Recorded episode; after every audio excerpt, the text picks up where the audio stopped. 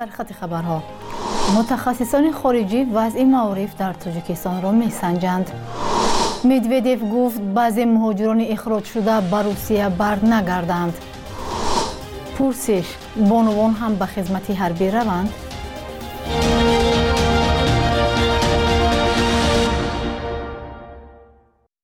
Салом бинандаҳои азиз ба умеди тансиҳати шумо барномаи навиди бомдодиро оғоз мекунем.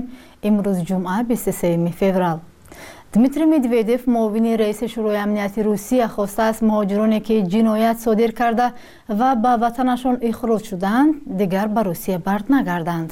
Вай таъкид кардааст ки қонунҳои маъмурӣ ва ҷиноии русия бояд ба таври комил амалӣ шаванд. Хабар медиҳад хабаргузории тасс. Айни замон дар суҳбат бо расонаҳои русӣ ӯ эътироф кардааст ки русиягиҳо бе муҳоҷирон зиндагӣ карда наметавонанд ба гуфтаи медведев шаҳрвандоне ки қонунҳоро бечуну чаро риоя мекунанд метавонанд ба русия омода кор кунанд. Дар робита ба ин медведев пешниҳод кардааст ки маҳзани умумии иттилооти шахсӣ таъсис дода шавад. Мақомоти русия моҳи ноябри соли гузашта гуфтанд ки дар панҷ моҳ наздик ба сад ҳазор қонуншикании муҳоҷиронро ошкор карда понздаҳ ҳазор нафарро аз ин кишвар ихроҷ карданд маълум нест чӣ теъдодашон аз кадом кишвар ҳастанд вале чанд моҳ мешавад ки муҳоҷирони тоҷик дар русия зери фишори бесобиқа қарор доранд.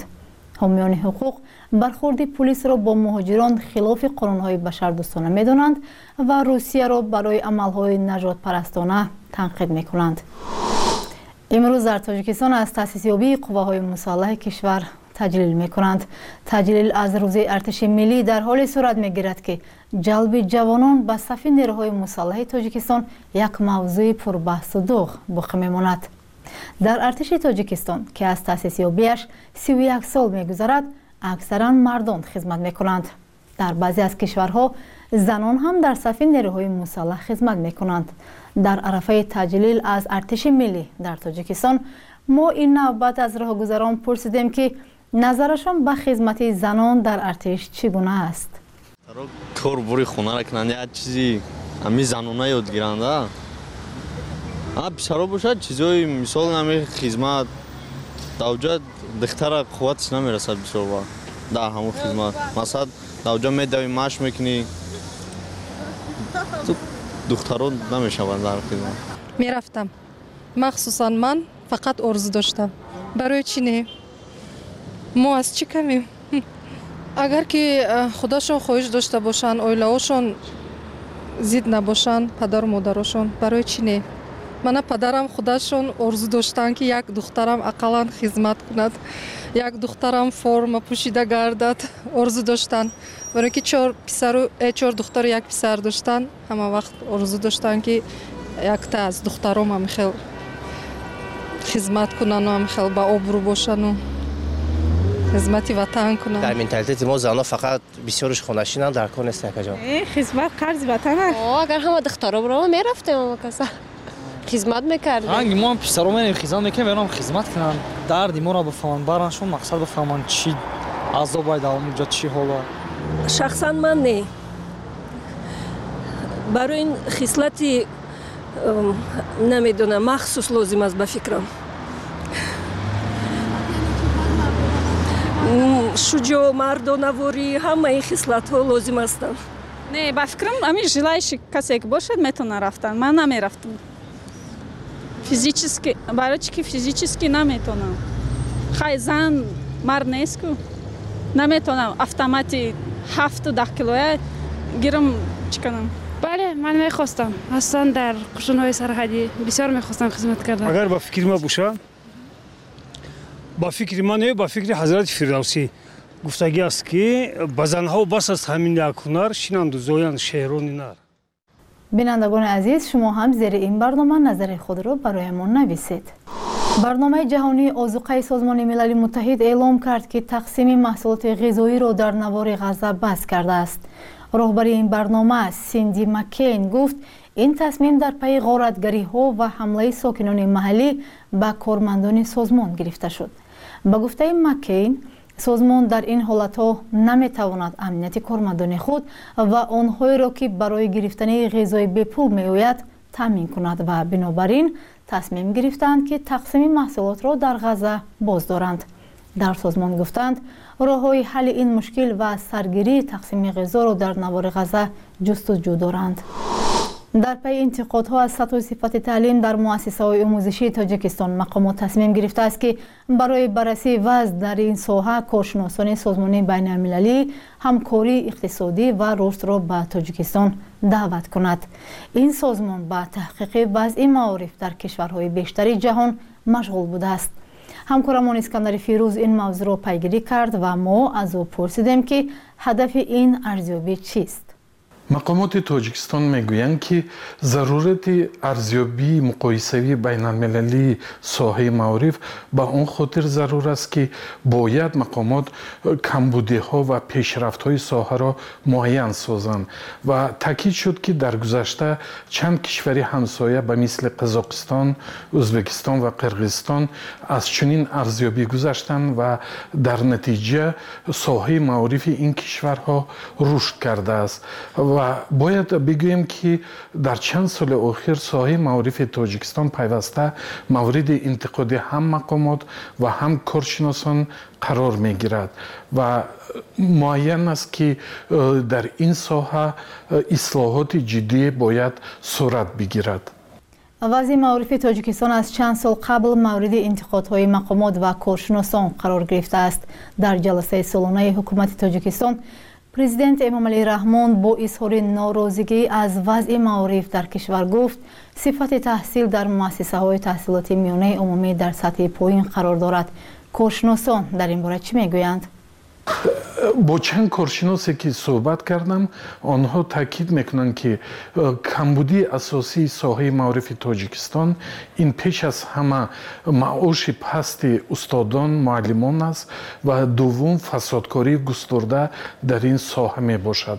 Ва ҳатто гуфта мешавад ки ин соҳа аз замони шӯравии собиқ то ҳол э, ҳеҷ ислоҳотеро надидааст ва ҳоло замони э, фаро ристааст ки бояд як ислоҳоти ҷиддӣ сурат бигирад. Дар маркази миллии тестии тоҷикистон гуфтанд ки то ҳол арзёбии муқоисавии вазъи маорифи тоҷикистон дар муқоиса бо кишварҳои дигар вуҷуд надошт. Ба ин далел мақомот аз камбудиҳо ва дастовардҳои ин соҳа иттилои саҳеҳ дар даст надоштанд. Бахши якрӯзи таърих аз муҳимтарин таҳаввулоти таърихӣ барои имрӯз хабар медиҳад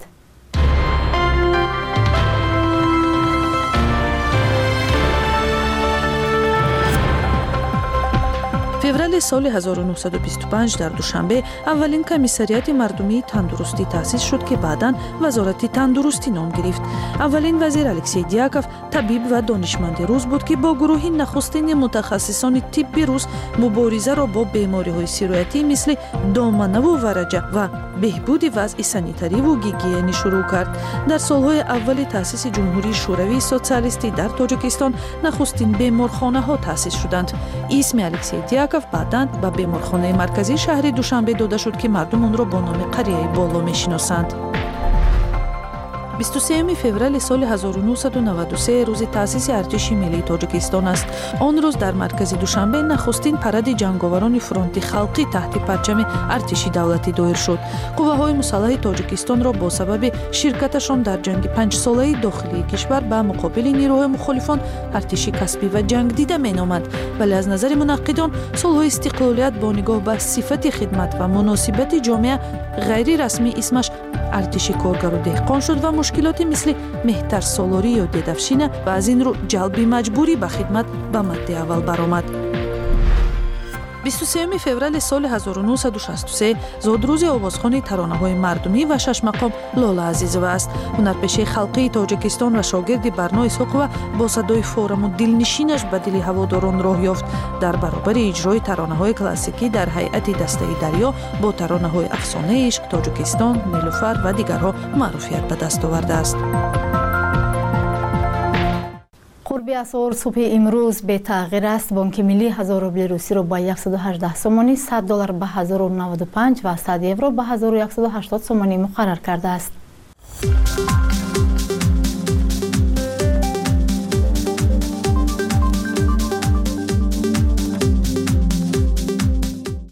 бинандагони азиз ин охирин барномаи навид дар ҳафтаи равон буд аммо шумо рӯзҳои истироҳат ҳам метавонед дар сомона ва шабакаҳои иҷтимоии радиозодӣ хабару гузоришҳои тозаро пайдо намоед. Бароятон истироҳати хуб орзумандам худо нигаҳбони шумо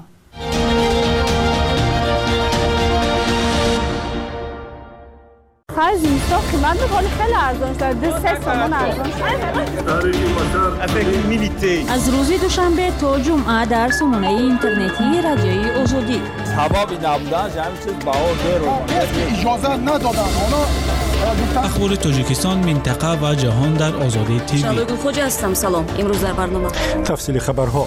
به همین شکل صورت خواهد گیرید www.azadi.org سلام شنوندگان گرامی من میرزا نبی خالقزاد در استودیو هستم و خبرهای تازه تاجیکستان جهان و منطقه را تقدیم شما می کنم دادگاه عالی تاجیکستان حکم نویسنده و صاحبکار عبدالخلیل خالقزاده نویسنده معروف عبدالقادر رستم و ناشر سهراب رجبزاده را صادر کرده است. وکیل دفاع در پاسخ به سوال خبرنگاری رادیو آزادی در پیوند به این قضیه گفت کاردار نشوید. با اطلاع چند منبع رادیو آزادی صاحبکار موفق و مالک درمانگاه ابن سینا عبدالخلیل خالقزاده به 6 از 5 سال نویسنده و ادبیات شناس نامدار عبدالقادر رستم به 4 از 5 سال و مدیر نشریات ارگراف سهراب رجبزاده به یک سال زندان محکوم شدند. یک منبع نزدیک به قضیه به رادیو آزادی تصدیق کرد که حکم سه نفر بعد از ظهر روز پنجشنبه 22 فوریه در بازداشتگاه موقتی صادر شده است. مؤلف حوادث روزگار من عبدالخلیل خالقزاده که همزمان مالک و مدیر بیمارستان ابن سینا است در ماه آگوست 2023 بازداشت شده بود. نویسنده و ادبیات شناس شناخته عبدالقادر رسم را که دادستانی کل محرر کتاب مینامد نیز در همان ماه دستگیر کردند. دیرتر علیه مدیر نشریات ارگراف سهراب رجبزاده پرونده باز شد و کتاب حوادث روزگار من در همینجا نشر شده بود. شنوندگان گرامی تفصیلات بیشتر در این موضوع را در ادامه برنامه بشنوید. مقامات روسیه رادیوی اروپای آزاد رادیوی آزادی را به فهرست سازمان های نامطلوب شامل کردند. یعنی هر کس که با این سازمان کار می‌کند ممکن است در روسیه به جوابگری کشیده شود. استیون کاپوس رئیس رادیو اروپای آزاد رادیو آزادی گفت قرار روسیه مانع کار این رسانه معتبر نخواهد شد. این فقط یک نمونه دیگر از آن است که چگونه دولت روسیه گزارش واقعی را به عنوان یک تهدید اساسی می‌بیند و این واقعا نگران کننده است گفت او روز 20 فوریه. در روزهای آخر ما شاهد میلیون ها نفر و تعداد بی سابقه مخاطبان روزبان شدیم که به سازمان خبری ما به تمام پایگاه های رادیو زادی به وبسایت های ما می آیند تا درباره مرگ الکسی نوالنی خبر بگیرند. آنها برای جستجوی حقیقت به نزد ما می آیند و ما از این مأموریت بسیار مهم خود دست نخواهیم کشید گفت او. арманистон ширкаташ дар тамринҳои низомӣ ва дигар чорабиниҳои созмони паймони амнияти дасти ҷамъӣ созмони зери назари русияро муваққатан боздошт никол пашинян сарвазири арманистон дар суҳбат бо хабаргузории франс 24 гуфтааст ки москав чанд моҳ пеш рӯи рост аз мардуми ин кишвар даъват карда буд ки ҳукуматро сарнагун кунанд. او افزود مسکو ترغیبات ضد او را قطع نکرده است. آخر سال گذشته رسانه های روسیه خبر دادند که دیمیتری ستراکوف افسر روس از ارمنستان به روسیه استرداد شده است. این افسر روس به جنگ اوکراین نرفته به ارمنستان پناه برده بود. پاشینیان این حالت را آدم ربایی نامید و گفت مقامات روسیه غیر قانونی او را از خاک ارمنستان ربودند. ما عملهای غیر قانونی در خاک کشورمان را تحمل کرده نمی توانیم گفت او. پشینیان هشدار داد که اگر طلبهای یریون بی پاسخ ماند عاقبت های خوب نخواهد داشت پیشتر پشینیان روسیه را برای بیعملی در مناقشه قرهباغ کوهی ایبدار کرد او گفته بود که سازمان پیمان امنیتی دست جمعی از ارمنستان همچون کشوری عضو حمایت نکرد مرکز مطبوعات این سازمان گفته است که هنوز از ارمنستان برای قطع عضویت درخواست نگرفتند بلکه گپ درباره شرکت نکردن این کشور در چاربینی این سازمان می رود. ماه نوامبر سال گذشته پشینیان از شرکت در نشست این سازمان در مینسک خودداری کرده بود. سفارت تاجیکستان در روسیه با پخش یک خبر به شهروندانی که به روسیه می‌روند هشدار می‌داد که با انتشار یک قرار روسیه وارد کردن هزار اسپند به قلمرو روسیه ممنوع اعلان شده است و در صورت وارد کردن آن مجازات پیش بینی شده است. یعنی مطابق ماده 231 کدکس جنایتی فدراسیون روسیه حالت وارداتی نگهداری و کشت هزار اسپند در حدود فدراسیون روسیه اینچنین دریافت گردیدن آن تا ده خوشه برای شخصان واقعی 15 شبانه روز است و حبس مأموری یا 5000 روبل جریمه و از 100 بوت زیاد که حجم مخصوصا کلان دانسته می شود جوابگری جنایتی تا 8 سال محروم از آزادی معین کرده شده است. سفارت تاجیکستان شهروندان این کشور خواهش نموده است که از واردات این نوع رسنی ها به حدود روسیه خودداری نمایند. در پی حمله ببر برفی در ناحیه رشد قلعه ولایت بدخشان تاجیکستان 18 سر چاروای ساکنان کشته شده است. کمیته حالات فوق‌العاده تاجیکستان خبر داده است که حادثه در دهه تبرسه صبح روز 22 فوریه رخ داده است. این کمیته به ساکنان مشورت داده است که برای حفظ چاروایان خود از حمله ببر برفی یا پلنگ شیرمال آنها را بی‌نظارت نگذارند یا عاقل‌ها را به پنجره های مستحکم بندند. جانورشناسان می‌گویند ببری برفی زمانی به چروایان خانگی حمله می‌کند که تعداد بوزهای کوهی هم کم شدند یا شکارشون برای ببری برفی بنابر بریدن برفی زیاد مشکل شده است. ببر برفی یک جانور زیبای نادر است که اکثرا در بلند کوههای ولایت مختار کوهستان بدخشان و ولایت ختلان زندگی می کنند تعداد آنها را از 200 تا 500 سر حساب کردند شاهد حادثه شدید منظره جالبی را دیدید. از راهی آسان و امن با رقم تلگرامی ما. کد 420 724 053 و 959 فرستید. حکم مخفی عبدالخلیل خالق زاده و عبدالقادر رستم محکوم شدند. در این باره گزارش من ارشاد سلیمانی را بشنوید.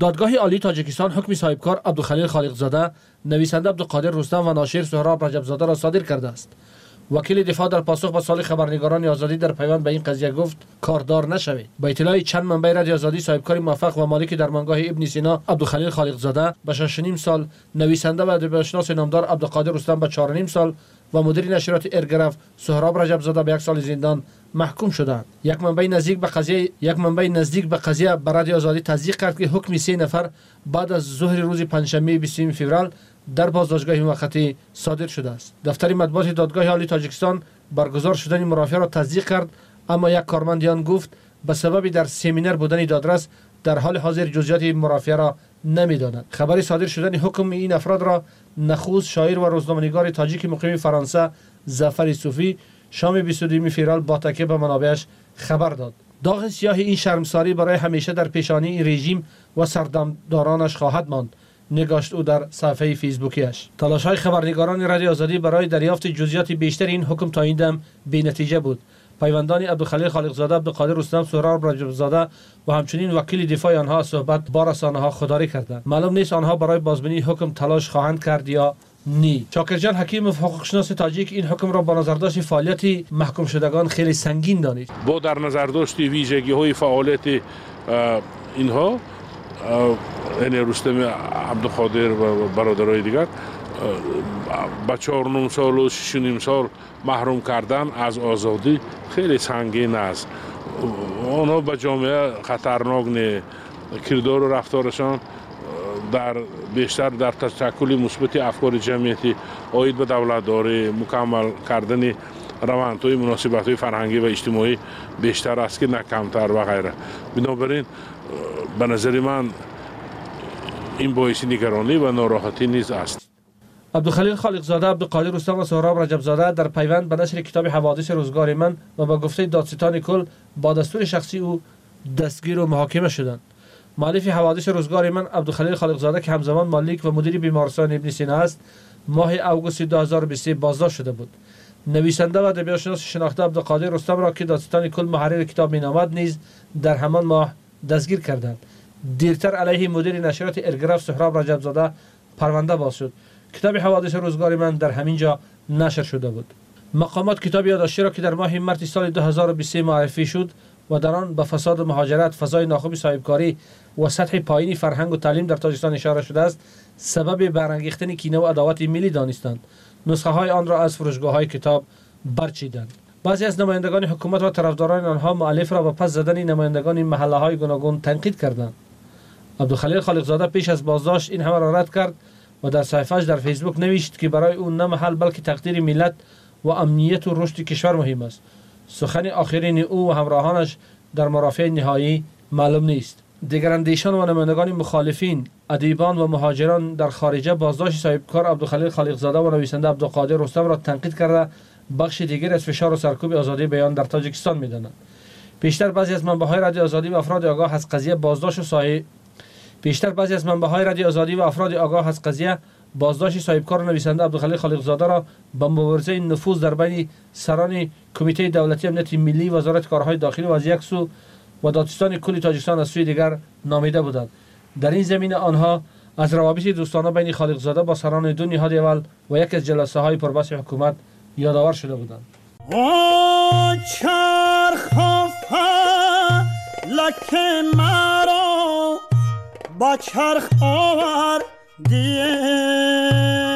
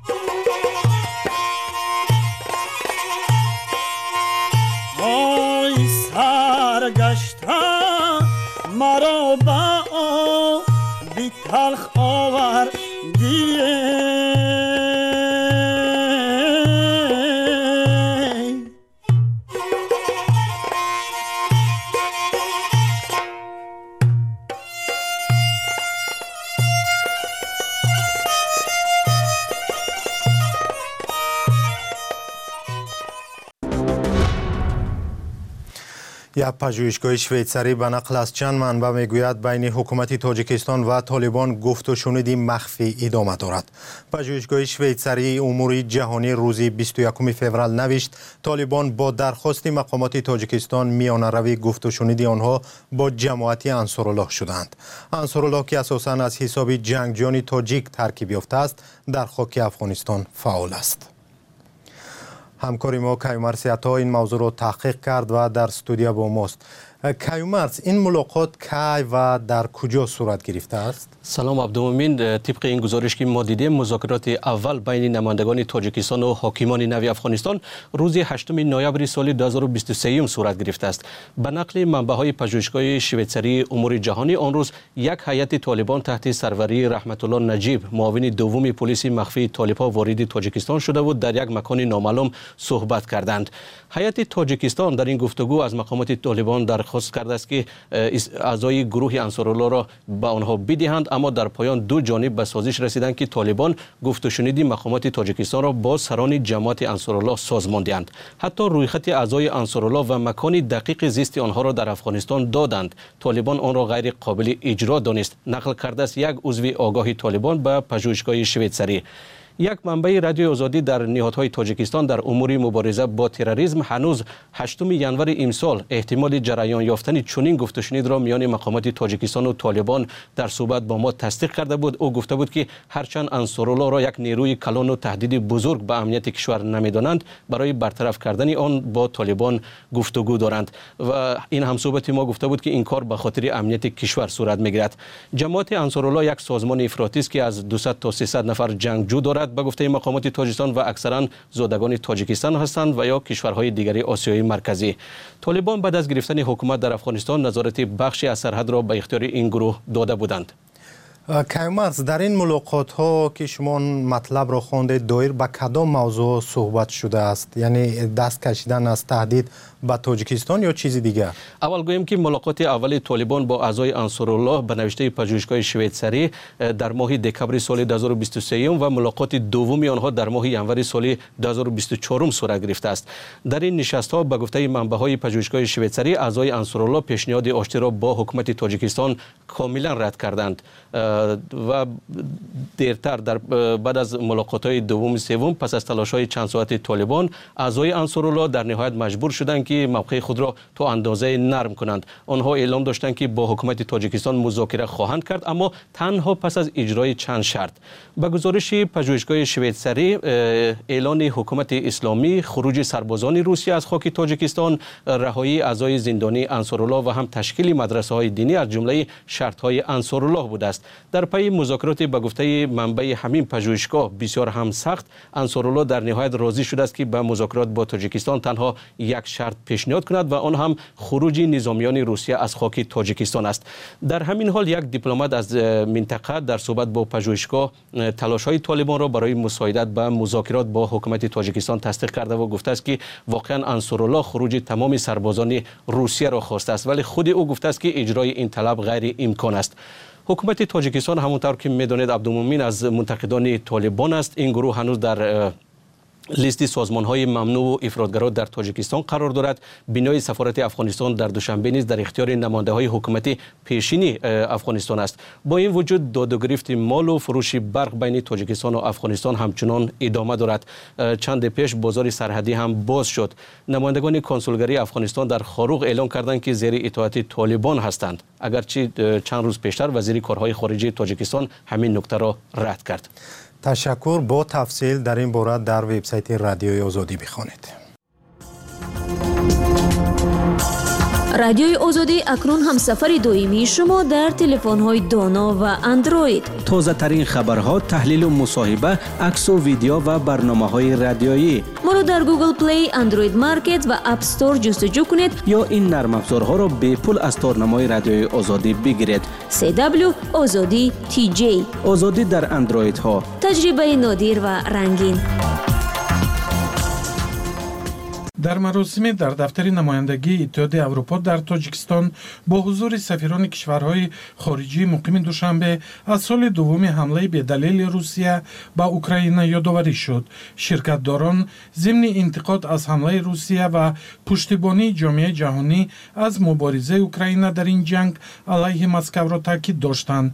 Гуфта шуд ки ҷаҳон зидди мардуми русия нест вале мубориза бо мақомоти худкомаи президент путинро идома медиҳад медиҳад. Ман искандари фирӯз дар ин маросим ширкат дошта ҷузъиёти мавзӯъро бароятон пешниҳод мекунам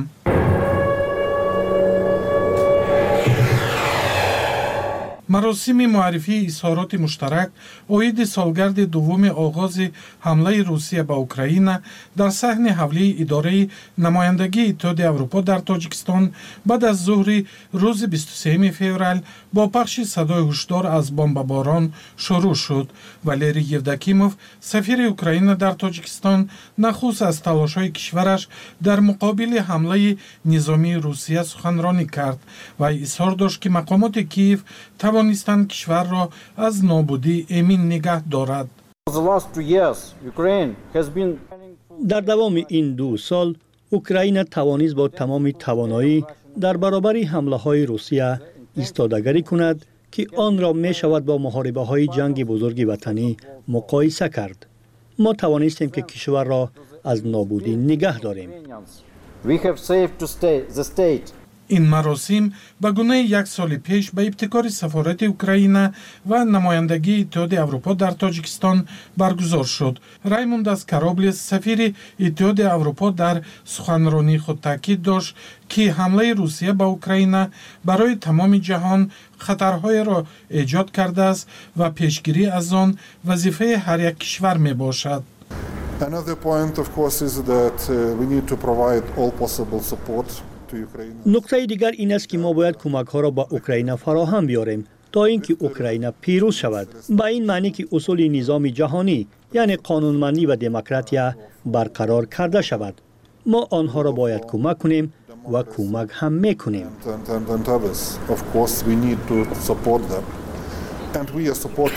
сафирони бештаре аз кишварҳои хориҷӣ муқими душанбе ба мисли фаронсаву олмон япония ва бритониyaи кабир дар ин маросим дар суханрониҳои худ аз амалкарди русия интиқод ва пуштибонии худро бо мардуми украина изҳор медоштанд. Мануэл микаллер сафири иёлоти муттаҳидаи амрико дар тоҷикистон махсус таъкид кард ки пуштибонии вашингтон аз украина ба маънии мухолифат бо мардуми русия нест. хочу подчеркнуть, что наша борьба не с русским народом, а с той диктатурой, которой он... میخواهم تاکید کنم که مبارزه ما ضد مردم روسیه نیست بلکه ضد مقامات خودکامه این کشور است ما از آن که روسیگی ها از ژورنالیستان و مادران گرفته تا معلمان مکتب و پزشکان که ضد جنگ و با طلب صلح به کوچه ها برآمده خود را زیر خطر میگذارند истиқбол мекунем. школными учителями и врачами подвергая себя самому большему риску. Дар остонаи солгарди дуввуми ҳамлаи русия ба украина иттиҳоди аврупо бастаи сенздаҳуми таҳримҳо нисбати 16 мақом ва 88 муассисаи муқассир дар ҳамлаҳои низомии русия таҳримҳои наверо роҳандозӣ кард. Аз соли 2022 то ба ҳол иттиҳоди аврупо дар маҷмӯъ нисбати 2000 мансабдори русия таҳримҳо ҷорӣ кардааст. Жозеп борел дар изҳороти дирӯзааш гуфтааст ки иттиҳоди аврупо ҳамчунон аз украина дар ин ҷанг пуштибонӣ карда бо таҳримҳои нави худ قصد دارد ظرفیت های نظامی روسیه را کاهش دهد. رهگذار بودید و شاید حادثه عجایب شدید. کودک کردسال شما رفتار و گفتاری مثل قند شیرین دارد؟ زیباترین منظره کوهستان یا شهر در خارجه شما را به حیرت آورد. کوچه های دهه شما از همه زیباست؟ می‌خواهید به کسی یا به جامعه پیام ویدیویی رسانید؟ مشکل را می‌بینید که باید همه از آن آگاه شوند؟ صفحه ما خبرنگاری مردمی در اختیار آنها است که از این همه عکس صدا یا ویدیو گرفتند. و یا متن نوشتند. خبرنگاری مردمی صفحه دامونه آزادی نقطه یا آزادی نقطه تیجی آموزش مسئله و چندین نوار و دلیل نشان می دهند که در برخی ساختمان های دوشنبه کارگران در شرایط خطرناک کار می کنند. از جمله در یک نوار دیده می شود که کارگران را به واسطه کرن باربردار و در شرایط خطرناک بالا و پایین می برند. رئیس کمیته ساختمان و معماری هم نقص قایده های بخطری در بعضی ساختمان ها را تصدیق کرد اما از هیچ شرکت نام نبرد. در این باره من مولا رجب یوسفی گزارش می دهم نوار اولی که به دست رادیوی آزادی رسید 13 ینوری سال 2024 در یکی از ساختمان های روبروی فروشگاه صدبرگی دوشنبه ثبت شده است. در نوار 33 ثانیه‌ای به آسانی دیدن ممکن است که ساختمانچان را به واسطه کرن باربردار از آشیانه دهم به پایان میفرارند. نوار دوم یک روز بعد 14 ینوری سال 2024 در یک از های خیابانی نعمت قربای و دوشنبه برداشته شده است. در این نوار دیده می شود که کارگران را به واسطه کرن به بالای بینای 16 آشیانه میبرارند. کارگران در داخل ظرف نشستند که برای بالا برداشتن قم و شغل یا دیگر مسائل ساختمانی پیش بینی شده است. اگر تسمه این ظرف کنده شود این کارگران از بلندی 5 متر به زمین می افتند و به گمان است که زنده مانند. خبرنگار رادیوی آزادی این نوارها را به علی جان یعقوبوف دکان فاکولته ساختمان و معماری دانشگاه تکنیکی تاجیکستان نشان داد. این کارشناس می‌گوید در اینجا قاعده های بخطری ویران شدند. هنگامی استفاده یعنی که کرانی باربردار در ساختمان قایده های مخصوص خود را دارد حتما آنها باید با رسم های مخصوص بسته کرده شوند و هنگامی بالا بردن بار یگان شخصانی در اونجا کار میکردگی حتما از اون باید استفاده نبرند یعنی که با واسطه کرانی باربردار برده رسوندن کارمندان یعنی ساختمانچیان یعنی که کارگران این ممکن اجازه داده نمی شود یعنی که در این حالت تکنیک بخطری اجرا نمی گردد رادیوی آزادی پیشتر نیز نوارهای مانند به این رو از منطقه های تاجیکستان دریافت کرده بود. از جمله در نواره که ماه نوامبر سال 2023 به دست رادیوی آزادی رسید بدون هیچ قاعده و با کرن باربردار سوار شدن و به بالا برآمدن کارگران دیده می‌شد. مؤلف نوار گفته بود اینها ساختمانجان مرکز تجارتی کلوب می باشند این مرکز را شرکتی کامل 2010 می سازد که به پسر بکسبو رئیس خدمات علاقه تعلق دارد. روز 25 نوامبر یک بیناکار 21 ساله از آشانه 18 این بنا به زمین افتاد افتاده جان باخت. دادستانی از آغاز تحقیق حادثه خبر داد اما دیگر معلوم نشد که گناهکاران جزا گرفتند یا نه. مسئله به خطری در ساختمان ها اول ماه فوریه امسال در نشست خبری کمیته ساختمان هم صدا داد نظام مرزازاده رهبر این نهاد نقص قاعده های به خطری در بنیاد خانه ها را تصدیق کرد و آن را به بیوجدانی بعض شرکت های ساختمانی ربط داد اما مرزازاده از هیچ شرکت نام نبرد. ساختمانچی هستند که همین چیزا مد نظر می‌کنن از روی وجدان کار نمی‌کنن سیدکو را می‌گیرن رو تامین می‌کنن فقط می‌شود فتا می‌گذارن یک فکر نمی‌کنن که همجدا شرمندان ما کار فعالیت می‌کنن بله بله بله سالهای اخیر بازار ساختمان و خانه فروشی در تاجیکستان به خصوص در دوشنبه گرم است. به اطلاع رسمی سال 2023 در کشور زیاد از یک از میلیون متر مربع منزل ساخته شده است. این آمار نظر به یک سال پیش دو درصد زیاد بوده است. اما یک مشاهده عادی سری راهی کافی است ببینید که در برخی از ساختمان های دوشنبه قاعده های بخطری رعایت نمی شوند متخصصان رعایت این قاعده های بخطری را در ساختمان ها حتمی می دانند علی جان یعقوب دکان فاکولته ساختمان و معماری دانشگاه تکنیکی در این باره گفت. هنگام ساختمان بیناهای استقامتی در شهر تخمینا که خیلی که ما می‌بینیم همه بینوهایی که ساخته می‌شوند گرد اطراف бо деворҳои иҳотавӣ сохта бунёд карда мешаванд то ин ки ба гирду атроф ягон хел монеа дучор нашавад. Ватан агар ки биноҳо дар ҷойҳои ҷамъиятӣ сохта шавад симторҳои махсус гузошта мешавад ки ҳангоми корҳои сохтмонӣ мабодо ягон ягон олотҳои истифодашаванда ягон техникаи корӣ ягон маводҳо ё ки ашё масъолияҳои сохтмон бар канори роҳ наафтад در تاجیکستان باری اول نیست که بیناکاران هنگامی کار از بی احتیاطی و یا از سببهای گوناگون افتاده جان می‌دهند و یا مجروح می‌شوند. نه همه حادثه ها تحقیق و نه همیشه مسئولان مجازات می‌شوند. از جمله سال 2021 یک جوان در دوشنبه از نزد ساختمان شرکت یاقوت 2000 میگذشت که آهنپاره از بالا افتاده او را مجروح کرد. سیاوش اکابیروف به دادگاه شکایت برد و دادگاه شرکت را موظف کرد که به این ساکن دوشنبه جبران پردازد.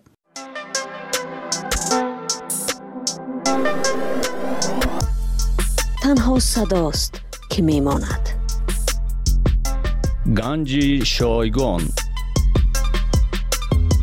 Аз гузаштаҳо ногуфтаҳо ва ношунидаҳо дар подкасти салими аюбзод салому алайкум мухлисону ҷӯяндагони ганҷи шойгон мегӯянд э, норозиёни сиёсатҳои ҳукумати тоҷикистон дар кишвар э, аз ҳисоби бебарқӣ бекорӣ камии маош э, муҳоҷирати густарда фасоду ришват хишу таборбозӣ беадолатии додгоҳ ва гоҳе ҳам зулми ошкоро ва мушкилоти дигар тораф бештар мешаванд. Вале онҳо илоҷи баёни андеша ё нишон додани эътирози худ ё пеш гузоштани талабҳояшонро надоранд як ҳамсӯҳбати мо чанде пеш гуфт на ягон касе ҷасуре ҳаст ки сарвари норозиён бошад ва на ягон ҳизби сиёсие ки дар кишвар манфиати онҳоро дар порлумон ё назди ҳукумат дифоъ кунад вай гуфт кишвар дар қабзаи дасти як нафар аст ҳамачиро ӯ ҳал мекунад ва порлумоне ки бо хости ӯ шакл гирифтааст баёнгари иродаи аксарияти аҳолӣ нест حزبهای سیاسی موجوده کیسگی و نیز به دهان این شخص نگاه می کنند. کسی حزب نوی هم تأسیس داده نمی تواند زیرا به قید نمی گیرند و تاریخچه حزبهای ناکام و تشکیل کنندگان آن در دل افراد ترس و حراس و بیجرعتی و, و در نتیجه یک خاموشی را جای کرده است. آخرین تلاش این تاسیس حزب سیاسی تاجیکستان نو از طرف صاحبکار کامیاب و وزیر پیشین اقتصاد سعیدوف بود که ظاهرا برای همین تلاشش به 29 سال زندان محکوم گشت. با 29 سال زندان همچنین کسی محکوم شد که می‌خواست در انتخابات آخر نامزد مستقل مقام پرزیدنتی تاجیکستان شود. منظور حقوق شناس جوان از ولایت مختار کوهستان بدخشان فراموز ارگاشف. دو رهبر حزب ممنوع نهضت اسلامی محمد علی حید و سید عمر حسینی به حبس یک عمره گرفتارند. رحمت الله ظاهرов از سروری حزب مشهور سوسیال دموکرات تاجیکستان برکنار شده در حالی بده به سر می‌برد. معاونش محمود مراد آدینایف 14 سال زندانی شده است و پیش از آنها رئیس حزب دموکرات محمد روزی اسکندروف برای 23 سال به کنج زندان افکنده شد. جوانمردی بود با نام حکمت الله سیدوف که سالهای زیاد تلاش کرد حزب نو حزب وحدت را نامنویس کند ولی به نشان گشت аммо хеле пештар аз ҳамаи онҳо султон қувват ба саҳна баромада буд. Раиси пешини кумитаи андоз ва мехост ҳизби тараққиёти тоҷикистонро таъсис дода барои курсии президенти кишвар мубориза барад. Солҳои дароз ҳизби ӯро ба қайд нагирифтанд ва худаш дар 61 солагӣ ба таври мармӯз бемор шуду аз ҷаҳон гузашт. امروز برنامه را به همین شخصیت می بخشیم. برای دانستن آنکه چی کسی بود و چرا می‌خواست حزب تأسیس دهد، چرا می‌خواست پرزیدنت شود و آرزوهایش برای تاجیکستان چی بود.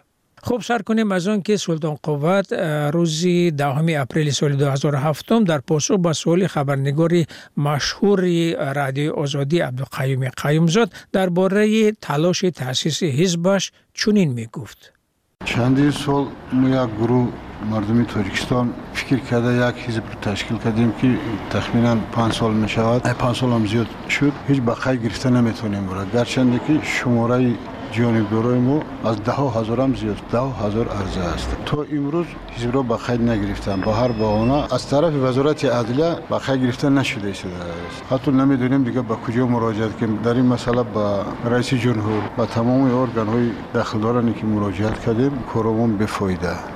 آیا نیتی به قیدگیری داره دوباره چون وزیر عدلیت ایواز شد در این میون دو حزب دیگر وزارت عدلیه به قید گرفت؟ روسیگا حزب ما را برای به قید گرفتن از خود سابق وزیر عدلیه خلیفه بابو با ما اشکارا گفته بود که تو اگر رهبریت دولت اجازه نده ما حزب شما را به خیر گرفتن نمی‌تونم. با وزیر نو مراجعت نکردیم هم نشونم نرفتیم روسیگا حال رفتنی هم نیستیم. برای ما باوری دارم که حزب ما را به خیر نمی‌گیره حزب ما شمارش سال به سال روز به روز زیاد شده ایستاده است. و فکر من که میترسن از حزبی ما که همین خیلی حزبی وقوع در جمهوری پیدا شود و فعالیت کنند حالا مثلا یه که حزب شما در محل ها فعالیت می‌کنن؟ حزب فعالیت دارد لیکن رسما شناخته نشد. در همه شهر و نویه های جمهور فعالیت می‌کنن هستن آدم درست است که شما مثلا هشدار دادند که دیگر به کارهای سیاسی آمیخته نشه گویا که بر ضد شما پرونده درست شده است که اگر در صورتی که به کارهای سیاسی وارد می شود این پرونده فعال کرده می شود به مقابل شما و شما هم به همین خاطر از صحنه سیاسی خود را کنار گرفته اید. نه یگون کس ما را تهدید کردگی نیست. از صحنه هم دور نرفتیم. درباره که من از سیاست روم من ترسونده باشن این خیلی گپ هم نبود. کار جنایتی از بالای ما آغاز کردگی نبود. گپا همش گپای دروغ است. فقط از بالای جانشین من فضیف رستم شده بودن کار جنایتی که این اصلا جنایت نیست. جنایتی که او را عیبدار کردن جنایتی صادر نشده است. اصلا بگناه شده بودم اون نفرایی که این کار پیشه کردن یک روز جمعیت خدا جزاشون رو میتیه چون شما صحبت را در مورد رستم فیضیف آوردید چرا اون آدم مثلا تحت این اف قرار نگرفتن؟ جنایت هایی که اف کرده شد جنایت های سبوک از پنج سال کم اف شدگی جنایت که با حساب جنایت های وزنین داخل بشم اینو به اف داخل نشده بودن. از این جمله فیضی رستم با این نمود جنایت ها داخل نمیشه. برای همین او اف نشد. شما همراه اون میگم بر ملاقات کردید و دیدار بینی داشته چندین بار ما با فیضی رستم واخری داشتم خبر می‌گرفتم. او اصلا جنایت ندارد. کسی که فکری عیبداری او را بخونه خنده آور است. به یگان جا مکتوب فرستادگی نیست به یگان جا نامه نفرستادگی نیست برای نامه فرستادن به یگان اداره در کدام تاریخ دنیا شنیدی که آدم جوابگر کنن وقتی که روان کردی و باید بسنجن ببینن درست نبرای او حالت ده همچون توماچی را بتونن جوابگر کنن در اصل همین چیز نبود همون مکتوبا یگان جا فرستادگی نبودن مکتوبی که همون آدم تیار کرده بود است یگان جا روان کردگی نیست تخمینا سه ماه پس یا نقصه او را از کجای پیدا کردن و آوردن که وای مکتوبه نویسه فایزی رستموف نبود مکتوبه نویسندگی فایزی رستموف در دو صفحه بود این مکتوبی که آوردن از سه صفحه عبارت است اصلا مکتوبه او نیست به هیچ گناه آدم بعضی از راهبرای مخالفین سابق طلب می‌کنند که در عرفه ده سالگی امضای سازشنامه صلح رئیس جمهوری تاجیکستان یک بار دیگر عفو رزمندگان را اعلام کند و همچنین پرونده های راهبرای مخالفین پیشین را در بایگانه های مقامات انتظامی تاجیکستان نابود کنند. شما چی نظر دارید؟ آیا واقعا همین پیشنهاد قابل دستگیری هست؟ به فکر من در مسئله عفو مخالفین یک مرتبه شده بود. همه همون اشتراکچی های جنگ شهروندی به او داخل می‌شد. برای چی بعضی اونا را جواب ندادن؟ من همین حیران. باید همه عفو می‌شد. از دو طرف. در دوره حکومت مساهله ملی نرودنی فرون خسته بود. ایروی قانونی جوروی همون زمان می‌گیری اونا هم جنایت کرده بودن. میتیج بون لیکن که نرودنی فرون غلبه کرد امروز اینا حکومت قانونی شدن و ایناش جنایتکار. از هر دی طرف باید عفو می‌کردن و برای سوزوندنش نیست کردن کروی جنایتی این مسئله در ما یگان چیز گفته نمی‌تونم. حکومتی که مسائل ملی سال 92 تشکیل کرده بودن اونم حکومت قانونی بود. با فرمان سوویت پرزیدنت جمهوری رحمان ابیش تاسیس کرده شده بود. من اینجا اشتراک داشتم دیده بودم من کارمند وزارت کارهای داخلی بودم.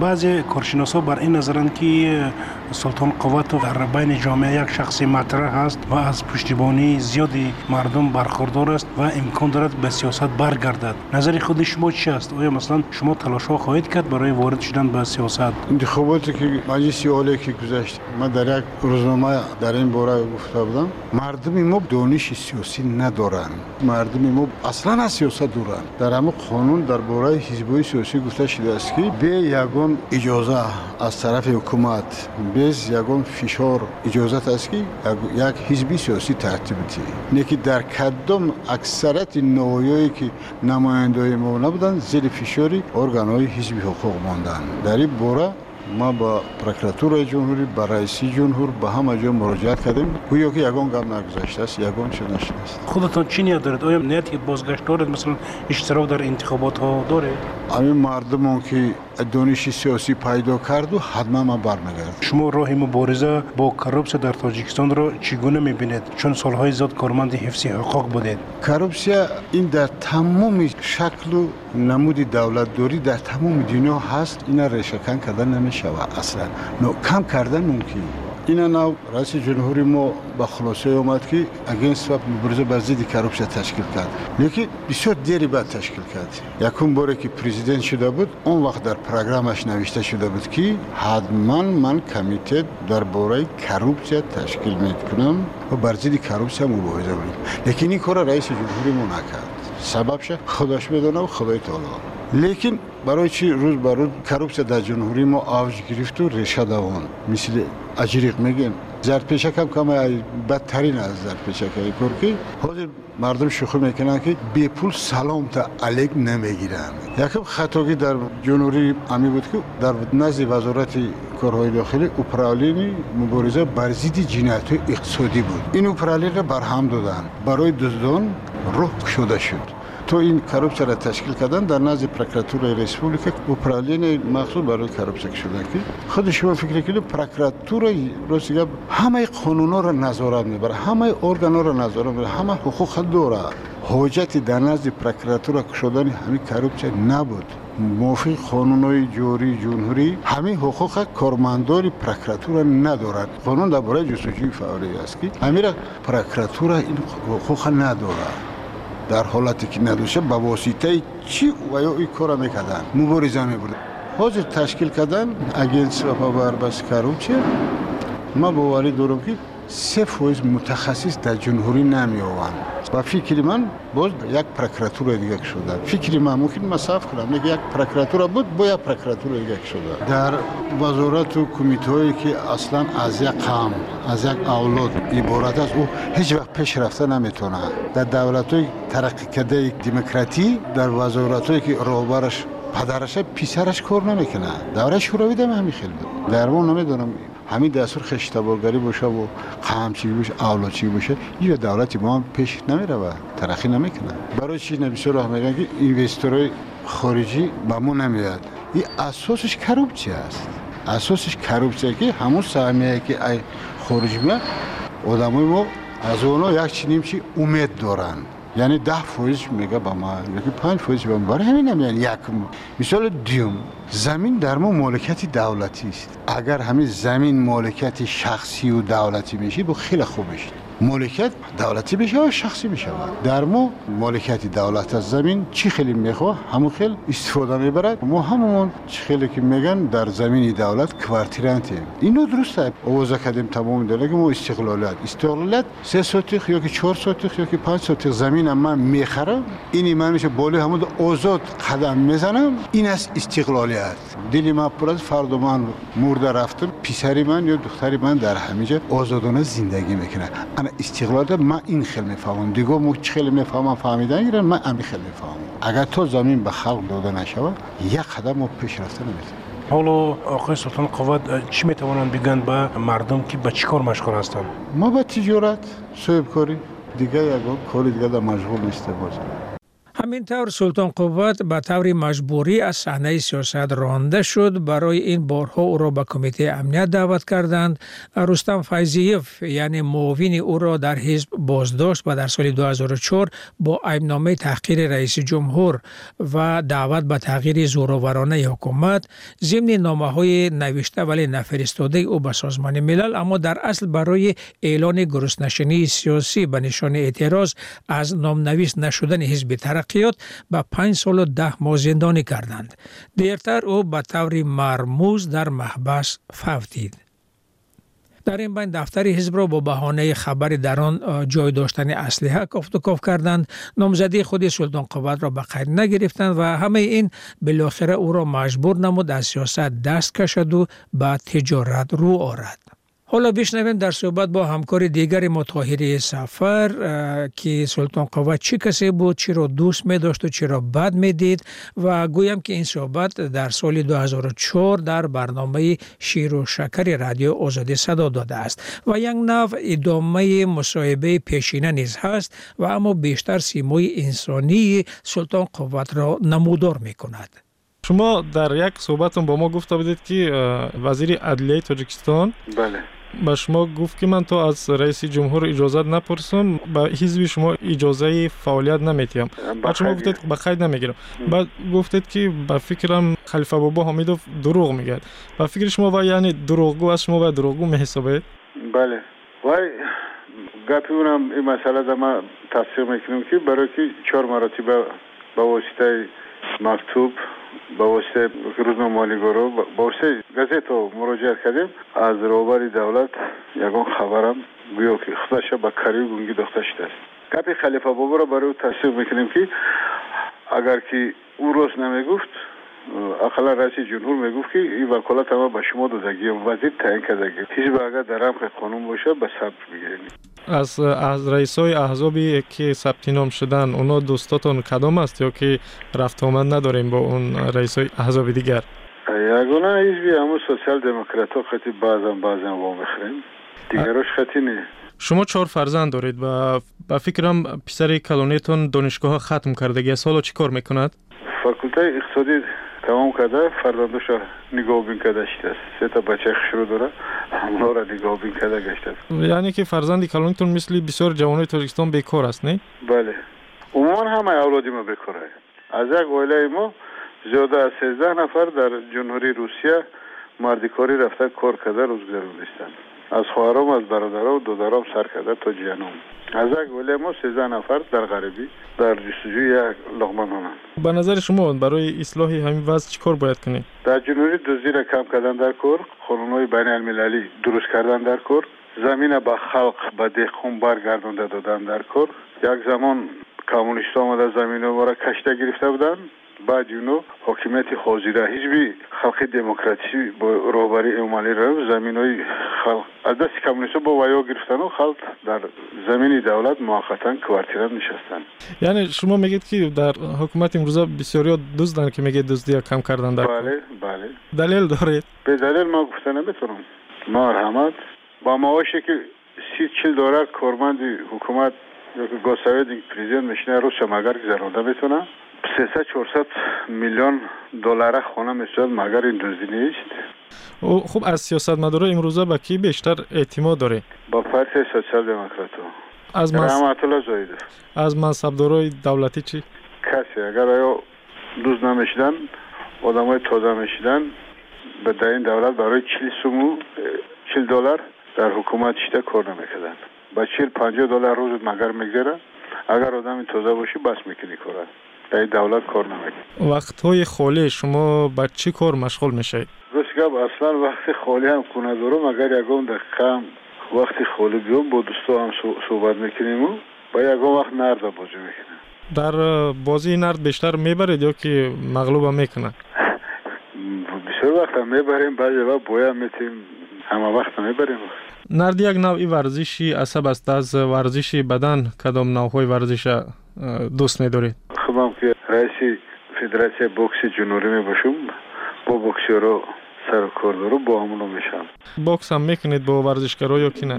دوره جوانی در می‌کردم گوشتی نمی‌گرفتم من در نمود سپورت نه ببینم که اول بوکس دویم گوشتی بسیار می‌گرفتم دوره جوانیم استودنتیم و غیره از دوره جوانی خود با ما نقل می‌کردید. مثلا جوانی خودتان با زندگی جوانی امروزه می‌تونید یک اندازه مقایسه بکنید؟ البته فرق می‌کنید اون زمان کسی از کسی متهم نبود. هر کسی لقمه نوش یافته می‌خورد.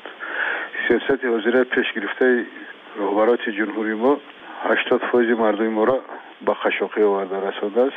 قسمش در گدایی در جستجوی لقمانان در کشورهای خارجی عذاب و اذیت کشیده گشتند اینا خوشانه با کری گنگی دخترش نشستند در چند سالگی تون ازدواج کردگی هسته؟ 27 سالگی با خواهش ختم بود یا که با خواهش پدر و مادر؟ ما یک دیگر اون دوست می داشتیم هر دومون سخت بود از آوازخانه که دوست می داره ای هنرمندای تاجیک؟ ای هنرمندای تاجیک اپای نگینه رو پواره تاون پخته می‌تونید یا که نه؟ یگان نوی تاون پخته می‌تونید؟ قریب همه تاون را پخته می‌تونم کدامش بهتر میپذید؟ اوش خوب کرده می‌تونم شوربا کرده می‌تونم لگمه پخته می‌تونم ششلیکای خوب کرده می‌تونم و اینا کدام وقت بیشتر میپذید و گاه گاه یگان دوستی نزدیکم به کار مو نمیره اگان وقت میپذید گاه یگان دوستم مهمانم در خدا میشه از خصلت های مردم تاجیک به شما کدامش بیشتر پسند است مردم ما یک خصلت خوب دارن که کفن هم که نداشته باشن یک مهمان که آمد آخران لقمه ناشد پیش مهمان در می‌گذاره کدامش نمیپسنده مردم ما را سیاست پیشگرفته رهبریت وزیر جمهوری پنج رویه هم کرده است من نفهمیدم منظور شما. خصلت مردم ما همیده باید چیده است که آخران سیاست که دولت ما پیش گرفته است مردم ما را قریب که هفتاد فوش رقاص رقاصه کردن و شیخون کردن و این خصلت بدکی که من نظر بینم این کارا دیم که مردم ما را چند رویه کردن مردم ما را دروغو بشو کردن. شما مهمانی رفتن دوست میدارید؟ نه. برای چی؟ намефурам меҳмон бошем. Мардум мада зиёфат кинаву саргардон шаванд агар э, меҳмоно хонатон биён чӣ? Меҳмондорӣ мекунам. Кафан маброварда медам ташаккури зиёд ба шумо. Раиси ҳизби тараққиёти тоҷикистон султонқувват меҳмони маҳфили имрӯзаи ширу шакар буд. روحش شاد بود سلطان قوت را که یاد از شرکتی او کردیم در برنامه های رادیوی آزادی. یک نکته مهم نیز باید گفته شود که سلطان قوت حقوق شناسی قوی و زاده کولاب بود منطقه که عملا امام علی رحمان را به قدرت رساند و هنوز از همان اول مورد توجه مخصوصی او و حکومتش بود. و همچنین کادر زمان شوروی بود سلطان قوت که هنوز از سال 1984 مهمترین نهادهای مبارزه با جنایت های اقتصادی را سربری می‌کرد و از سر و اسرار زیاد خبر داشت. با یک کلمه گویم آدم ناباب و برای رهبران خطرناک. این پادکست گنجی شایگان بود. اگر پسند شما آمد لطفا زیر آن لایک گذارید آن را با دوستان خود فرستید و فکر و اندیشه دارید در شرحها بنویسید. آزادانه ولی با نگهداری آدابی سخن. خدا نگهدار. در راه هستید. مهمانی یا در جای کور مهمانی یا در جای کور علاجه خواندن ندارید امکان دیدن هم. امکان دیدن هم. پادکست رادیوی آزادی را بشنوید. نقل گوشکی تنها برای شما. در وقت دلخواه و جای دلخواه. هرگیز از یاد من سر خیرام come